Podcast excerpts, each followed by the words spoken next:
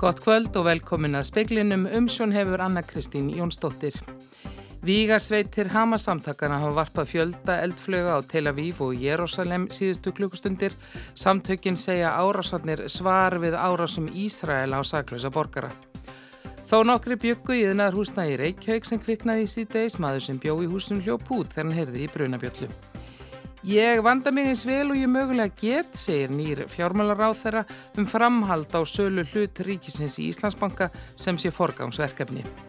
Úrskurðar nefnd þjóðkirkjuna segir að Agnesi M. Siguradóttir hafi ekki verið heimilt og hún hafi ekki haft umbúð til að víkja Gunnari Sigurðanssoni úr embætti sóknaprest við Digranniskirkju í fyrra.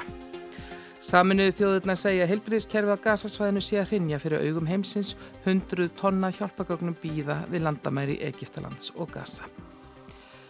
Ekkert lát þeirra átökum milli Ísraelshers og Hamas samtakana. Vígasveitir Hamas hafa varpa eldflögum á Tel Aviv og Jérúsalem undanfatna klukkustundir. Þau segja þannig vera svara árásum Ísraela á saklusa borgara. Stjórnveldi Ísrael hafa rýmt íbúa byggðunæri landamærunum að Líbanon en á sama tíma fjölgar látnum í Palestínu. Ríflega 2800 hafa látist á Gaza og næri 11.000 særst. Uttaríkisráð þeirra Írans varar við því að næstum óhjákæmilegt sé að átökinn breyðist frekar út. Fólk býr í yðnaðarhúsnaði við funahöfða í Reykjavík sem kviknaði í síðdeis. Nokkrir voru inn í húsinu þegar eldurinn braust út og einn var fluttur og sjúkrás. Eldur kom upp í herbergi í húsinu sem var alelda þegar slökkvili kom á staðin. Jörgen Valdimarsson er valstjóri hjá slökkviliðinu á höfuborgarsvæðinu. Og við sem sagt bara komum á staðinu og byrjum að slökk veldin og svo fórum við inn að leita okkur hvort það væri einhver inni. Fundum einn einstakling sem var fluttur á slistild. Hann hefur ekki upplýsingar um líðan þar sem fluttur var á slisadild. Búið var í húsnæðinu. Er þetta húsnæði sem er eðlilegt að búið sín? Ég get ekki svarað því. Það er einhver aðri sem svarað fyrir það. Saði Jörgen í viðtali við Stíg Helgason frettamann. Fólk sem býr í húsinu og var inni þegar aldurinn kviknaði fekk skjól í strætisvagni og Rauðikrossinu komin til að sinna þeim sem þurfa á aðstofa að halda. Þannig að við erum búin að kalla til þær bjargi sem að þarf í svona verkefni. Er það margt fólk sem er þar? Það er, ég taldi tíu áðan, ég veit ekki hversu margir þurfa aðstof. Jakub Malinowski býr á annari hæð og hefur búið þar í hálft ár, hæð ofar en eldurinn. It was just alarm going on. I was, was checking after the window what's, what's going on and Jakob segir að brunabjallan hafi farið á stað, hann hafi tekið dóti sitt og hlaupið út. Yngibjörg Sara Guðmundsdóttir tók saman. Agnes M. Siguradóttir mátti ekki vísa presti úr starfi síðasta haust þar sem skipunatíma hennar sem biskups var í raun lokið. Þetta er niðurstaða úrskurðarnemdar þjóðkirkjunar. Gunnar Sigurjónsson leitaði til nemdarnar vegna brottvikningar úr digranis prestakalli. Agnes ámyndi Gunnar í fyrra haust og vekonum úr starfi eftir að nefnda á vegum þjóðkirkjunar sagði hann að orðið uppvísan að brotum og reglum kirkjunar um einelti, kinnferðislega áreitni, kinnbundna áreitni og annað ofbeldi. Skipunartíma Agnesar lauk í lok júni í fyrra en hún undirritaði þá ráðningarsamning við framkvæmda stjóra biskupstofu um áframhaldandi setu. Lög gera hins vegar ráð fyrir að biskup Íslands sé kjörin samkvæmt starfsreglum kirkjuþings. Nemndin telur að ekki sé hægt að ráða biskup með ráðningarsamningi eða framlengja skipunartíma hans með öðrum hætti. Þá sé ekki á forræði forsetta kirkjuþings eða forsætisnemnd þingsins að hveða áum framlengingu starfstímabils biskups hvað þá þess sem gegnir stöðu biskups hverju sinni.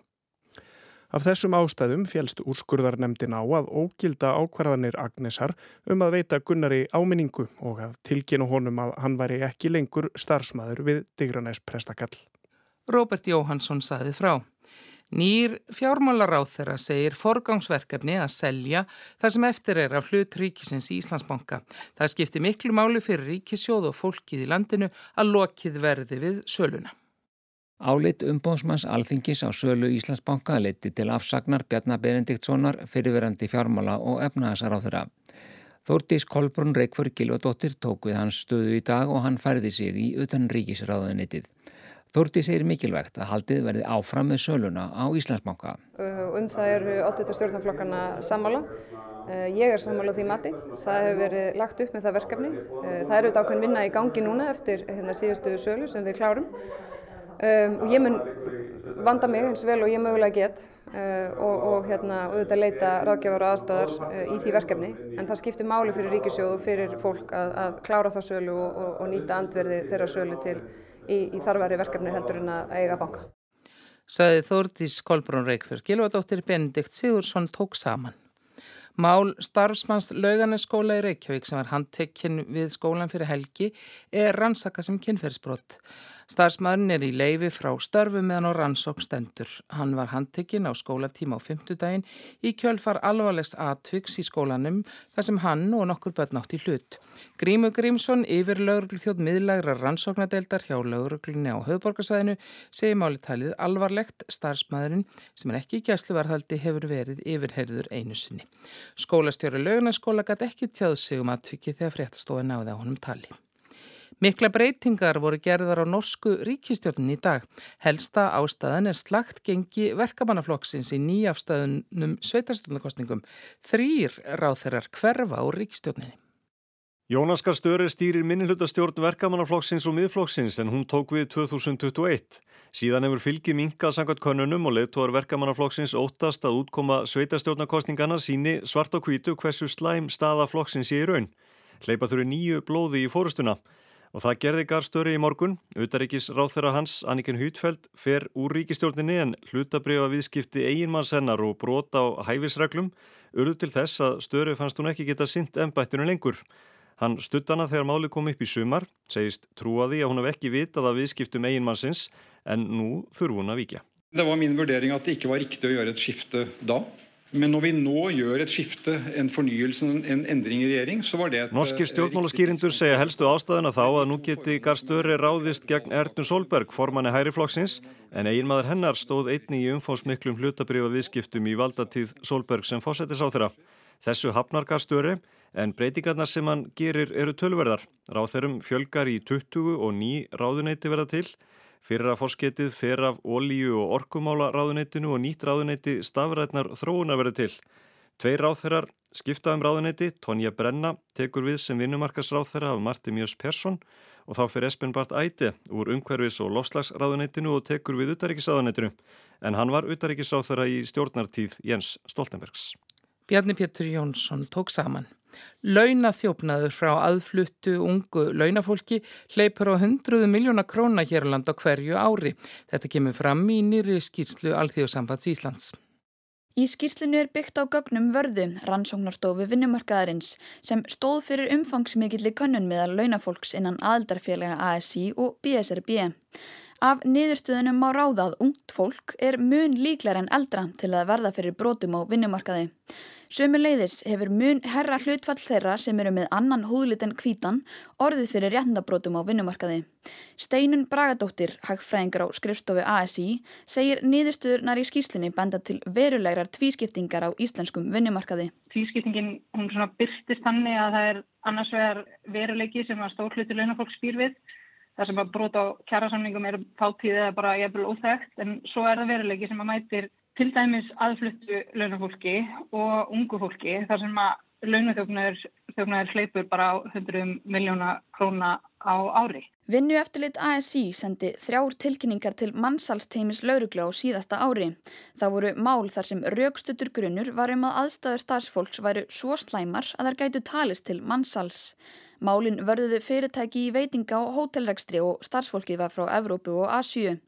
Steinun segir málin gefa vísbendingu um alvarleika þeirra réttindabróta sem rataðin á borð ASI. Brót á kjærasafningum og hérna, réttindabrót á vinnumarkaði eru bara ótrúlega mísjöfn en þessi dæmi eru svona alvarlegasta byrstingamund þessum við sjáum. Saði Steinun Bragadóttir við Rebekku Líf Ingadóttur. Mörg hundru þúsund íbúar Gazaborgar og annara staða í norður hluta Gazasvæðisins hafa farið að tilmælum Ísraels hers og forðað sér söður á bógin. Fjölmargir farað þó hvergi. Eitt þeirra er Gazan Abu Sita, bresk-palestinskur skurðlagnir sem starfar sem sjálfbóðaliði á Al-Sifa, sjúkrahúsinu í Gazaborg. I can't now turn my back on my patients. I can't turn my back on my uh, colleagues. Ég get ekki farið frá sjúklingunum mínum og samstarfsfólkinu, sagði Al-Sitta í viðtali við Braska ríkisútvarpið. Að hans sögn kom hann er engöngu sjúklingar á sjúkrahúsið sem hafa særst í loftarásum Ísraels hers. Margir hafa fengið sprengjubróti í sig og aðrir eru með brunasár. Sumulegðis er mikið um meðsli þar sem fólk hefur fengið í sig múrsteina ár húsum sem hafa hrunið í árásunum. Sjúklingarnir segir hann að séu á öllum aldri. Unfortunately, some of these children that are being dug up from underneath the rubble are the sole survivors from their families. Því miður eru sögum börnin eh, sem hafa verið grafin upp úr rústum heimila sinna þau einu sem hafa komist lífs af í fjölskyldunum, segir Al-Sitta. Á frettavef arabísku frettasjónvarpstöðverðinar Al Jazeera kemur fram að tekja sér á móti nýjum sjúklingi á hverri mínútu á sjúkrahúsum á gasasvæðinu. Síðustu klukkustundir hefur hver sjúkrabílinn af öðrum komið með sært fólk á Nasser sjúkrahúsið í Canjúnis í söður hluta Gaza. Ástandi þar er sagt yfirþyrmandi og farið stöðugt versnandi. Komið sé að þeim tímapunkti þar sem starfsfólki þurfi að ákveða hvaða sjúklingi eigi að bjarga og hver verði látin degja. Martin Griffiths, yfirmaður mannúðarmála hjá saminuðu þjóðunum, lísti í dag yfir alvarlegum áhyggjum af ástandinu á Gaza og örlögum gísla sem vígamenn Hamas samtakana námu og brott frá Ísrael í áhlaupinu fyrir nýju dögum. Hann krafðist þess að gíslarnir, sem margir eru konur og börn, gammalt fólk og sjúklingar, yrðu látnir lausir þegar í stað. Stríðandi fylkingar yrðu að fara að alþjóðalögum og í þriðalagi yrði að heimila að hægt yrði að veita íbúum svæðisins neyðaraðstóð þegar í stað. Hospitals are running out of fuel, are running out of supplies up in the north People can't move without help. Sjúkrahúsin eru að verða rámaslaus og byrðir ganga brátt til þurðar. Fjöldi fólks í norður hlutanum getur ekki forðað sér söður án aðstóðar, saði Griffiths. Hann hvaðst vera á förum til miðausturlanda til að ræða við ráðamennum að leifa að matfæli og líf erðu flutti yfir á svæðið. Hann bætti við að samfélag þjóðana væri of oft búið að horfa upp á erfiðar aðstæður í samskiptum Ísraelsmanna og palestinumanna. Tími væri komin til að breyta um stefnu. we need to be concerned about creating a situation, absurd as it may seem at the moment, where Israelis and Palestinians can live as neighbors, as friends ideally, certainly as interlocutors, where they do not need to teach each other lessons through war. Við verðum að reyna að skapa aðstæður hversu fáranlegt sem það kann að virðast í augnablíkinu þar sem Ísraelar og palestinumenn geta búið sem nágrannar, helst vinir og vissulega þannig að þeir geti talað saman en ekki brúðist við ágreiningsmálu með því að fara í stríð, saði Martin Griffiths. Í morgun spurðist út að tilstæði að opna Rafa landamærastöðina á mörgum Egiptalands og Gaza til að hleypa inn hundruðum tonna af hjálpargögnum sem býða á vöru bílum Egiptalands megin og nokkur þúsund palestinum mönnum með erlend eða tvöfalt ríkisfang frá Gaza. Þessar fregnir voru borna til baka skömmu síðar. Antoni Blinken, utanríkisráþara bandaríkjana, kom til Ísraels í dag eftir að hafa rætt við leittói í öðrum ríkjum í miðausturlöndum. Hann sagðist reyna að fá landamærin opnuð til að undirði að koma matar og lifja byrðum yfir á svæðið. Að sögn AFP frettastofunar var í dag gerð loftarás á skott mörki í grend við Rafa. Í sama gerðist að minnstakosti þrísvar í síðustu viku. Ekki hafa borist fregnir á mannfalli. Loftarásernar á Gaza síðustu nýju sólarhinga hafa orðið yfir 2700 manns að bana. Rísi Súnak, fórsættis ráð þeirra Breitlands, tilkynnti á fundi í neðri málstofu þingsins í dag að minnst sex brettar væru fallnir og tíu væri saknað. Samtök palestinskra blada og frettamanna greindu frá því í dag að frá því að stríðið fyrir botni miðjarar hófst braust út á laugardag fyrir viku hefðu 11 palestinskir fjölmiðlamenn fallið í loftarósum Ísraelsers. Yfir 20 eru særðir og tveggja er saknað. Samkvæmt upplýsingum samtaka til verndar frettamönnum CPJ eru einn ísraelskur fjölmiðlamaður og einn líbanskur fallnir.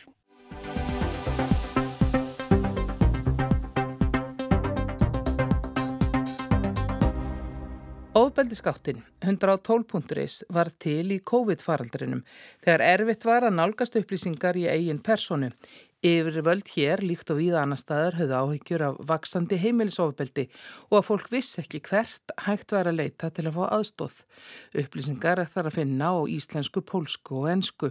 Eikló Harðardóttir er verkefnastjóri afbrótavarna hjá Ríkislauglustjóra og hefur unnið með neyðalínunni að gáttinni. Ef að þú býrði við ofbeldi, þekkir einhvern sem verður fyrir ofbeldi eða að þú ert jafnvel sjálfur að beita ofbeldi og hugsunum með þessum var þarna í einmitt miður COVID að, uh, að það væri þannig að fólki ætti ekki farið og hitt aðra og nálgast upplýsingar öðruvís en, í gegnum netið. Og það ætti þá vera bara á einum stað allar þar upplýsingar sérst, um þau úrraði sem væri til staðar en líka um byrtingamindir og leiðir til þess að koma sér út úr þessum aðstæðum uh, leiðir til þess að aðstöðu hjálpa þér til þess að, að finna upplýsingar því að fæstir eru Það, þú tekur ekki prófið þessu. Það er ekki þannig að, að, að, að einhver sest niður með þér og útskýrir. Ef þú skildir eitthvað tíðan verða fyrir ábyldi þá er þetta leiðina til þess að fá hjálpina. Þannig að það var hugsunum sest, með því að setja sest, á stofn ábyldiskáttina og, og, uh, og kominu fyrir hjá neðalínni uh, var það að þetta væri þá slóð 1.2.is það sem, sem búið að þjálfu okkur bara sem þjóð að þánga leitu við þegar við þurfum að hjálpa að halda. Við kennum börnunum okkar þetta. Uh, neðalínan hefur tekið við held ég í 30-40 ár tilkynninga til barnavendar og uh, þannig að þess vegna væri þetta svo auðvöld fyrir okkur að muna. Þú þarfst að hjálpa að halda og þá ferðin á 1.2.is eða þú getur hringt eða eins og hefur bæst núna við líka bara í gegnum netspjall. Í oktober 2020 fóru verkefni í loftir eftir þæplega hálsárs undirbúning. Þótti mjög mikilvægt þegar gáttum var sett á stofnað að við treyðum trúna gagvar þeim sem var að nýta þessu upplýsingar. Eh, að þarna var gæti verið þannig að þú ert með einstaklinga sem geta verið í mjög viðkominn stöðu eh, sem eru sérst að afla sér þá hana upplýsingar um leiði til að komast út úr þeir, þeim aðstæðum. Þannig að, að við vildum ekki að upplýsingarna væri að vistast, við værum heldur ekki að fylgjast með uh, nema bara mjög takmarka sérst hvað fólk er að gera sérst á ávefnum. Þannig að, að, þannig að við til dæs fylgjum fólk ekki eftir eins og er hægt að gera á, á, öðrum síðum sérst upp á hvert og fer síðan næst. Við erum með þá takmarkaða tölur á móti yfir hvernig við erum að nota síðuna en það sem við vitum að það eru sérst, um 300.000 heimsóknir frá því þarna sérst, sem hafa komið inn á stakar heimsóknir inn, inn á vefin. Neðalína skráin alltaf líka síðan símtölinn til sín og þannig að ég held að það sé hvað um 1500 símtöl sem þið fá þá ári hverju sem þau geta beint heimfært á heimilsópildi eða batnaönda þjónustu en við vitum það hins að líka að, að það getur verið þannig að nákvæmlega kannski hefur samband vegna þess að það er mikil háaði íbúð eða hann hefur áhugjur af einhverju sem sett og kannski verið búið að skemma bara ruslatunnar eða sprengja dekk á bílnum hjá þér þannig að það er haft samband út á margvíslum ástæðum sem síðan leiðir ljósa um að ræða þá heimilsópildi þegar gáttin fór fyrst í loftið þá var sagt, hugsun að vera fyrst og fyrst með upplýsingar sem snýra heimilsopildi og opildi gegn börnum. Síðan var tekin ákvörðin af hérna, þá var hendur dómsmára á þeirra að útvika gáttina þannig að þarna væri þá líka upplýsingar sem snýra sér þetta kynferðsopildi og uh, síðan hefur líka verið bættu upplýsingu varandi mannsal og svo eru við sérst núna að horfa til þess að, að auka þá enn frekar sérst upplýsingar sem snýr sérst almennt varandi börn þannig að það sé þá ofbeldi meðal og, og, og gegn börnum. Og, og ég raun og veru bara halda áfram að byggja sérst gáttun upp þannig að þarna sé aðgengilegt á einum stað upplýsingar sem þú þarfst að halda ef að þú verður fyrir ofbeldi að hvaða tegund sem er. Í gáttinni er fjallað um það hvernig ofbeldi getur byrst. Það er talað um andlet ofbeldi, það er talað um þessu nefndi kynferðsofbeldi, það getur líkamlegt, það getur fjárastlegt, það er tölvört mikið upplýsingu sem snúar líka að stafrannubrótum sem hefur sífælt að aukast og þannig sem er raun að bara eitt á tækjun og það má segja raun að nánast í stórluta þeim brótum sem til þess koma inn á borðlauruglu núna þá eru við með svona stafrannabyrtingamindir þar undir. Það eru uh, hérna sem snýr til þess að börnunum, það er vanraksta, það er misnótkunn þannig er reynd að sest, fara í gegnum helstu byrtingamindinar þannig að hvort að fólk sest, máti sig inn í þetta. Og það kom okkur sem hefði kannski ekki átt að gera en uh, þegar maður hugsaði tilbaka en við, fyrst við sáum til þess tölur um það hver, hvað fólk var að lesa fyrst og fremst, það var það um andlet ofbeldi. Uh, og andlet ofbeldi er náttúrulega sest, svo, svona líkil þáttur til þess að þú getur beitt mannesku uh, og brotið á hana með öðrum, öðrum hætti Síðan var farin alltaf að byggja enn frekastist upplýsingar sem snýrist að gerundum, einstaklingur sem vilja breyta hæðun sinni, hafa ágjur hæðun sinni. Það hefur líka mjög mikið verið lesið og ég get alveg ímynda mér að það er þá ekki bara þeir sem er að beita ofbeldinu heldur náttúrulega fólki sem verður fyrir því og aðstandur sem er að þá leita leiða til þess að, að stöðva þá misnótkunni eða það ofbeldist að það verður fyrir. Er hægt að stofna til samtalsamt í gegnum þetta? Já, það var eitt af því sem var lagt upp með þannig að það var opna fyrir netspjall, það var, það var stór skref með fyrir neðalínuna að, að opna fyrir beint netspjall við, við neðaverði það er líka sem að tekina ákvörna því að við heyrðum alveg að mörgum fannst að vera að þú þyrtir að geti bara ekki haft samband við neðalínuna nema þú værir í lífsættu tölu jafnir niður alvarleika ofbeldisins ég held sem mjög mikilvægt að við gerum ekki. Og, og þá hérna, var, er líka tengingar þá eins og við heilsveru þannig að það er hægt að fara inn á netspjalli kakar hjúkuranfræðingi eða 1717 hjá Rauðakrossunum þannig að þú hafir þá val uh, upp á það við hvernig þú vilt hafa samband. Og það eru þá einstaklingar á bakvið þetta er ekki, þannig er ekki tölva sem er að svara þér heldur, þetta er fólk. Og síðan sérst, tók neðarlegan líka ákvörnum það að uppfara hjá sér appið. Eh, voru með app sem þau þróa fyrir fólk með heyrn og sjónskerðingar sem var kallað döfappið og raun að uppfæra þannig að þar var þá líka tengingin við ofbeldisskáttina, upplýsingar þar. En eh, á einfaldan hátt þá eh, gæti fólk hlaðinu appinu til þess að nálgast aðstóð og vonandi auðvelda þá um fólki með föllun eða fólk sem til dæmis ælundum uppruna að nálgast aðstóð. Þó að þú vil, viljir ekki tala við neyðavörð þá er verið að benda þér á að það er öll þjónustan sem betur fer í raunheimum til staðar og, og, og svona er hún. Þannig að svona er það að koma veist, inn í bjarkalíð, þóldameinstöð, hvar hún er staðsett. Hérna getur þú bóka tíma og, og það er það sem kannski getur verið bara bóka tíma og þá getur átt samtalið en það þýr ekki endilega það að það leiði til þess að máli fari síðan áfram til lauruglunar eða veist, þú hefur sveigrum til þess að átta þig á þínum aðstæðum. Þetta er viðbót. Það er ekki verið á nokkur leiti að íta til hliðar fyrirlikjandi þjónustu, heldur við vildum lifta fyrirlikjandi þjónustu, benda á þau úrræði sem eru til staðar þess að auðvelda fólki leiðina út úr, út úr þeim aðstæðum sem það er og það viti að það er hjálp að fá. Eigló segir enn verið að skoða hvað gerðist í faraldrinum. Þá fjölgaði tilkynningum um heimilsofbeldi til lögreglu og barnavendar en dróur tilkynningum um annað ofbeldi. Kinnferðisbrota tilkynningum fjölgaði svo aftur þegar losað var um hömlur í skemmtarnalífinu. Hún vonar að fjölgun tilkynninga síni að fólk leiti sér fyrir aðstóðar vegna þess að umræðin er opnari og upplýsingum betur miðlað.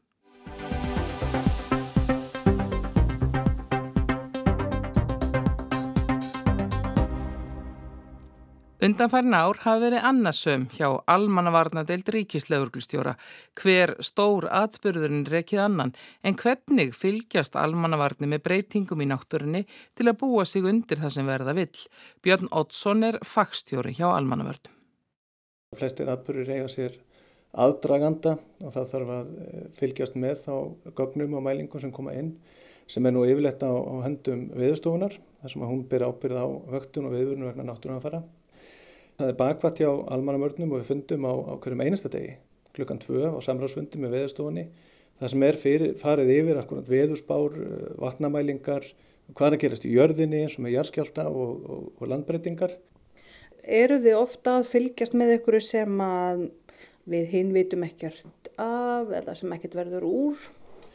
E, það er engi lendamál í þessu og öll gagg sem að, að veðustofan sapnar þau eru byrt á, á veg veðustofunar og, og það sem ég er jærðilisfræðingur að, að, að þá fylgist ég með þessu á, á, hverjum einasta degi.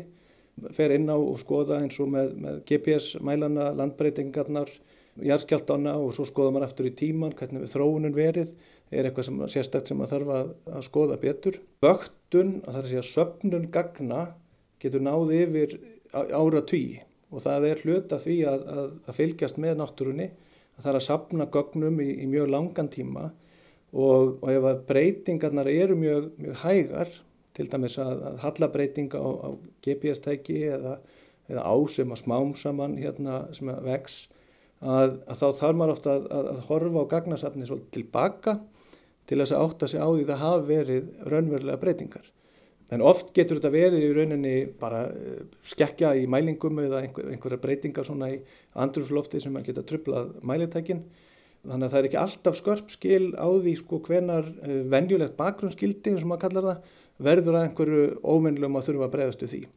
En svo er það náttúrulega eins og með jærskjálta og stóra og annað, þeir, þeir koma bara með nánast engum fyrirvara og erfitt að segja til fyrir um þá sko En svo höfum við líka þessar jarðskjálta hrinnur eins og úti fyrir Norðurlandi þegar það hefjast og þá ofte er kannski meiri líkur á að, að það rökku einhverja sprungur þar nálægt og þá komi stóri skjáltar. Þannig að þeir eru, eru slíka hrinur að, að þá látu fólk vita og, og minnum á akkurat þessar, þessar hefbundnu mótvæðsaðgerir eins og að, að passa upp á hluti í hillum og myndir og annað. Nú er til dæmis varverð að segja frá því fyrir helgi að það líti út fyrir að enn eina ferðina gæti eitthvað farið að gerast á Reykjaneskaganum. Hvernig fylgist þið með því? Þetta er atbyrðar sem að byrjaði í desember 2019 og þá byrjaði með, með jæðskjáltavirkni og síðan í byrjun árs uh, 2020 að, að þá, þá var tvent svona bankadirnar og það var annars vegar COVID, einhver veira í, í Kína uh, sem var þá uh, langt í burtu og, og síðan var það landris sem var að, að hefjast á, á Reykjaneskaganum og þetta vor 2020 og síðan, síðan haustið að 2020 og byrjun á 2021 að þá voru nokkri svona atbyrðir um, þar sem að innskott mynduðust bæði gangar og, og sillur við, við Þorbjörn og Svartsengi og, og síðan í kringum Faradalsfjall. Og þetta var nýtt fyrir okkur og nýtt fyrir vísindaheimanum og það var, var funda mjög mikið vísindaráð hittist oft á, á, á Teams og þarna voru kannski 50-60 manns að, að diskutera til hvers þetta gæti leitt. Og síðan fengum við fyrsta eldgósið 2021 út frá því að þá hefur líka verið fjölgað hérna mælum á þessu sveiði og það þarf að halda þeim við. Þannig að við, við fylgjumst náið með, með þessu í, í samstarfi við, við veðustofuna og þessum einskotum fylgja líka þessir gikkskjáltar sem geta valdið óryggi og svona ekki meint skelvingu en, en fólk verður hansi langþreytt á þeim í Grindavík og, og þar og í þrjúskipti að þá hafa þessi ferli með einskotum og kisskjaldum endað í, í eldkúsum. Þú nefndi vísindar á áðan og það er nú eitthvað sem að fólk heyrir alltaf af um leið og það verða einhverjar miklar gerðhæringar. Hvað er þetta vísindar á það? Vísindaráð almannavarna eh, er svona óformlegur vettvangur fyrir vísindasamfélagið og almannavarnir til að hittast, leggja fram gögn, deila gögnum og, og eiga síðan umræðu um það eh, hvað er þýða, hver er tólkunin og sömt er líka kannski ekki alveg hérna ljóst fyrir og þá er mjög gott að, að hittast og, og fara yfir hlutina. Kjarnin í vísindaráði eru vísindamenn frá Háskóla Íslands, Jærvistastofnun og síðan veðustofunni en, en auk þess bóðu við þá líka vísindamenn sem að hafa hugsanlega stundar ansóknir á þessu svæði eða eru með sérþekkingu á því sviði sem á, á að ræða koma þá eins og frá Náttúrfræðistofnun Íslands, eh, Ísor, MAST, sóttvarnalæknir ef þetta tengist helsu sem að getur fyllt hérna ösku gósum og, og öðru. En, en svo það hefur þetta náttúrulega þróast eh, vísindaráði frá því ég byrjaði 2012 þegar við hittum svona í, í sal og fórum yfir hlutina umhverju orði miklu miklu hraðara og með, og með tilkomu hérna, Teams og þetta sem við lærðum í, í aðdraðanda fyrsta gossins í, í geldingadölum að þá erum við gerðnari kannski að, að, að bóða fund með, með stittri fyrirvara og þáttakan er meiri þá líka af vísindamönnum sem að hugsanlega setja við eh, erlenda háskóla sem hafa sendt rannsóknum hér.